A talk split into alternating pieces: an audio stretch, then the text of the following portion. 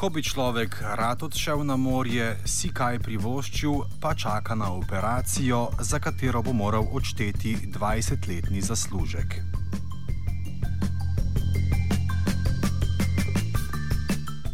Po akcijah in shodu na Dan državnosti, ki jih je organizirala inicijativa zdravnikov in ponovno opozarjala o nevzdržnem stanju v našem zdravstvu, je to storilo tudi Združenje za državljanski nadzor zdravstvenega varstva, po domače za nas.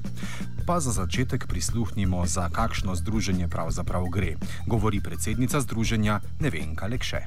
To je civilna družba, nevladna organizacija, ki deluje že šesto leto v Sloveniji in ima tudi odločbo Ministrstva za zdravje, da delujemo v javnem interesu. Mi predvsem zastopamo interese prebivalk in prebivalcev Slovenije, državljank in državljanov in smo na nek način ogledalo vladi, politikam, eh, kako se ne bi smelo delati, eh, ker je država tista, ki bi morala zaščititi šipkejšo stran, to pa smo ljudje država ščiti močnejše. Njihove ugotovitve se bistveno ne razlikujejo od tistih, ki so jih predstavili v inicijativi zdravnikov. Menijo, da je Slovenija z vstopom v Evropsko unijo na široko odprla vrata neoliberalni politiki. Nadaljuje Lekšetova. Torej, mi ugotavljamo, da je Slovenija z vstopom v Evropsko unijo kar precej na široko odprla uh, vrata. Uh, neoliberalizmu in da človek ni več v spredju, da nam socialna država povzi iz rok in da se pravzaprav uklanjamo uh, diktatu in kapitalu iz Brusla, seveda tudi domačemu kapitalu, da ne bo pomote. No, mi seveda um, se soočamo dnevno z napovedmi in grožnami, ki jih uh, nam sporočajo najodgovornejši, čež da uh, je potrebno spreminjati socialno državo, ker enostavno uh, nismo več v uh, neki finančni kondiciji, da bi lahko to drž socialno državo ohranjali in da bi ljudje lahko, bom rekla, kolikor toliko varno živeli. Mi se seveda v združenju za nas uh, temu upiramo, uh, trdimo, da se s tem kršijo ustavna načela, saj ima v ustavi jasno in nedvoumno zapisano, da je Slovenija socialna in pravična država in zato seveda bomo, dokler se bo dalo, ustrajali na tem, da moramo to zapisati tudi v eh, zakonih.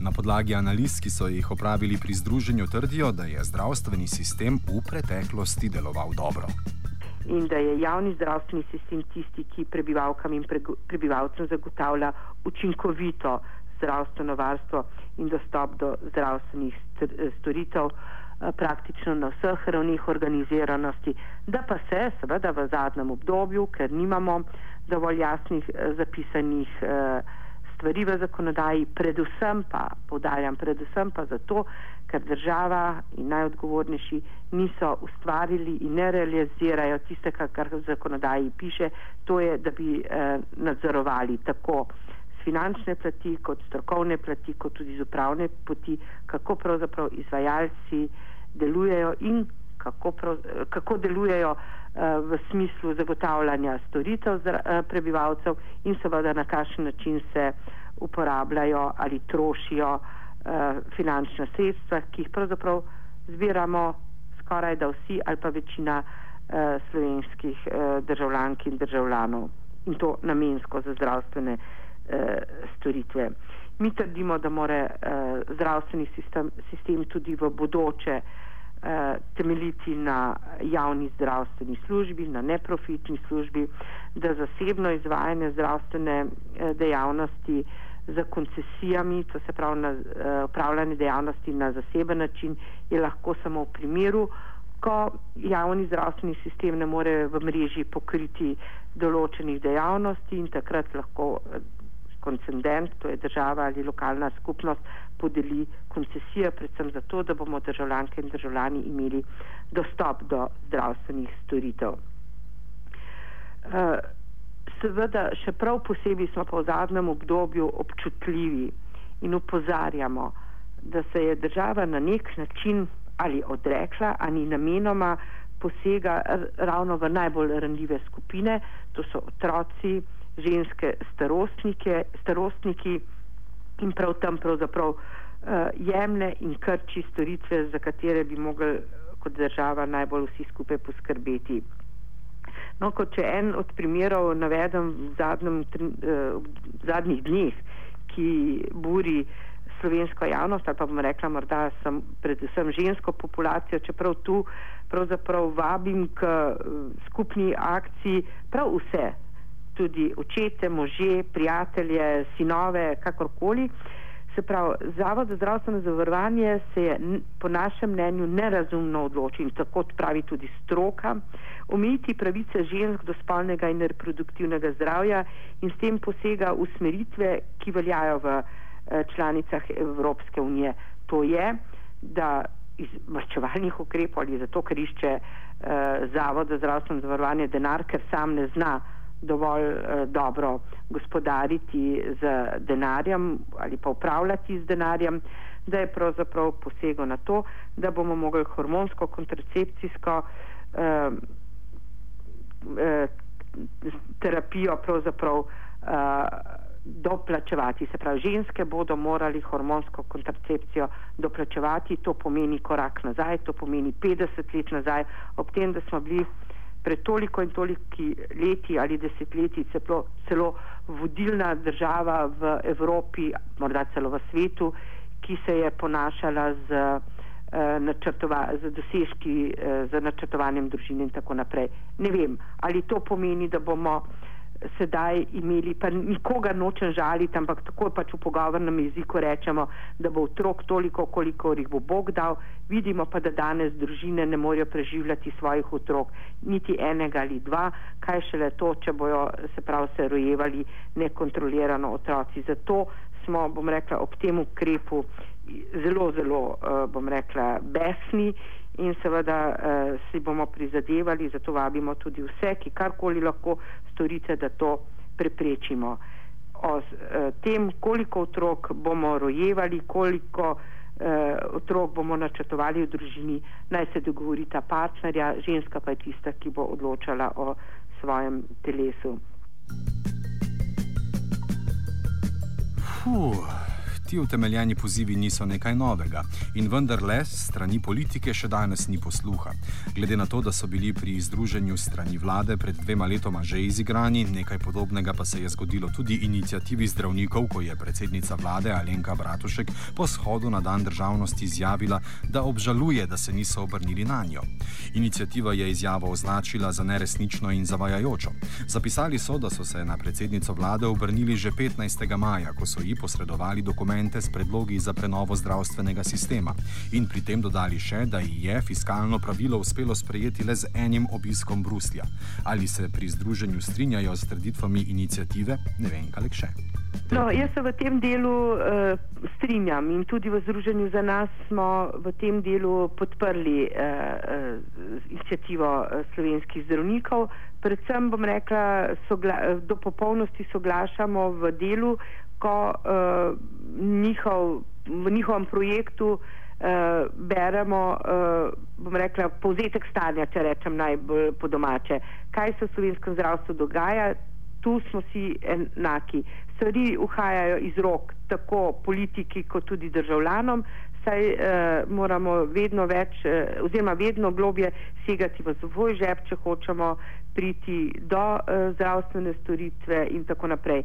Se pa nekoli, bom rekel, smo pa malček zadržani do nekaterih rešitev, ki jih ponuja uh, inicijativa zdravnikov, predvsem okrog tega, da bi uh, zavarovalnice, predvsem uh, Zavod za zdravstveno zavarovanje, uh, bom rekla, razpršili na več uh, zavarovalnic, predvsem, da bi bile to zasebne in konkurenčne zavarovalnice. Mi menimo, da uh, je Slovenija tako majhna rizična skupnost, z dvomilijonskim narodom, oziroma še manj pa plačnikov, da če bi to nekako razbili, da bi, bila, da bi bilo tveganje veliko večje. Eh, zdaj, če je nekaj narobe v upravljanju, če se kdo ne strinja, ne vem, morda z direktorjem ali s čim drugim, dajmo tam narediti red, ne pa sistem, ki v tem trenutku tej mali Sloveniji bi lahko zagotavljal varnost in stabilnost, uh, gremo pa rušiti z nečim drugim, kar je seveda bolj povšeči neoliberalni uh, politiki.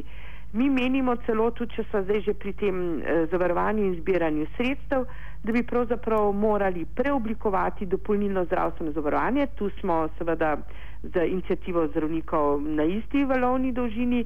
Drugo pa je seveda način, kako do tega prijeti. Mi pravimo, da je dopolnilno zdravstveno zavarovanje potrebno preoblikovati in ga uh, prenesti v izvajanje Zavoda za zdravstveno zavarovanje, ker bi tako zmanjšali stroške za upravljanje in seveda bi ta denar lahko ostajal uh, za ljudi.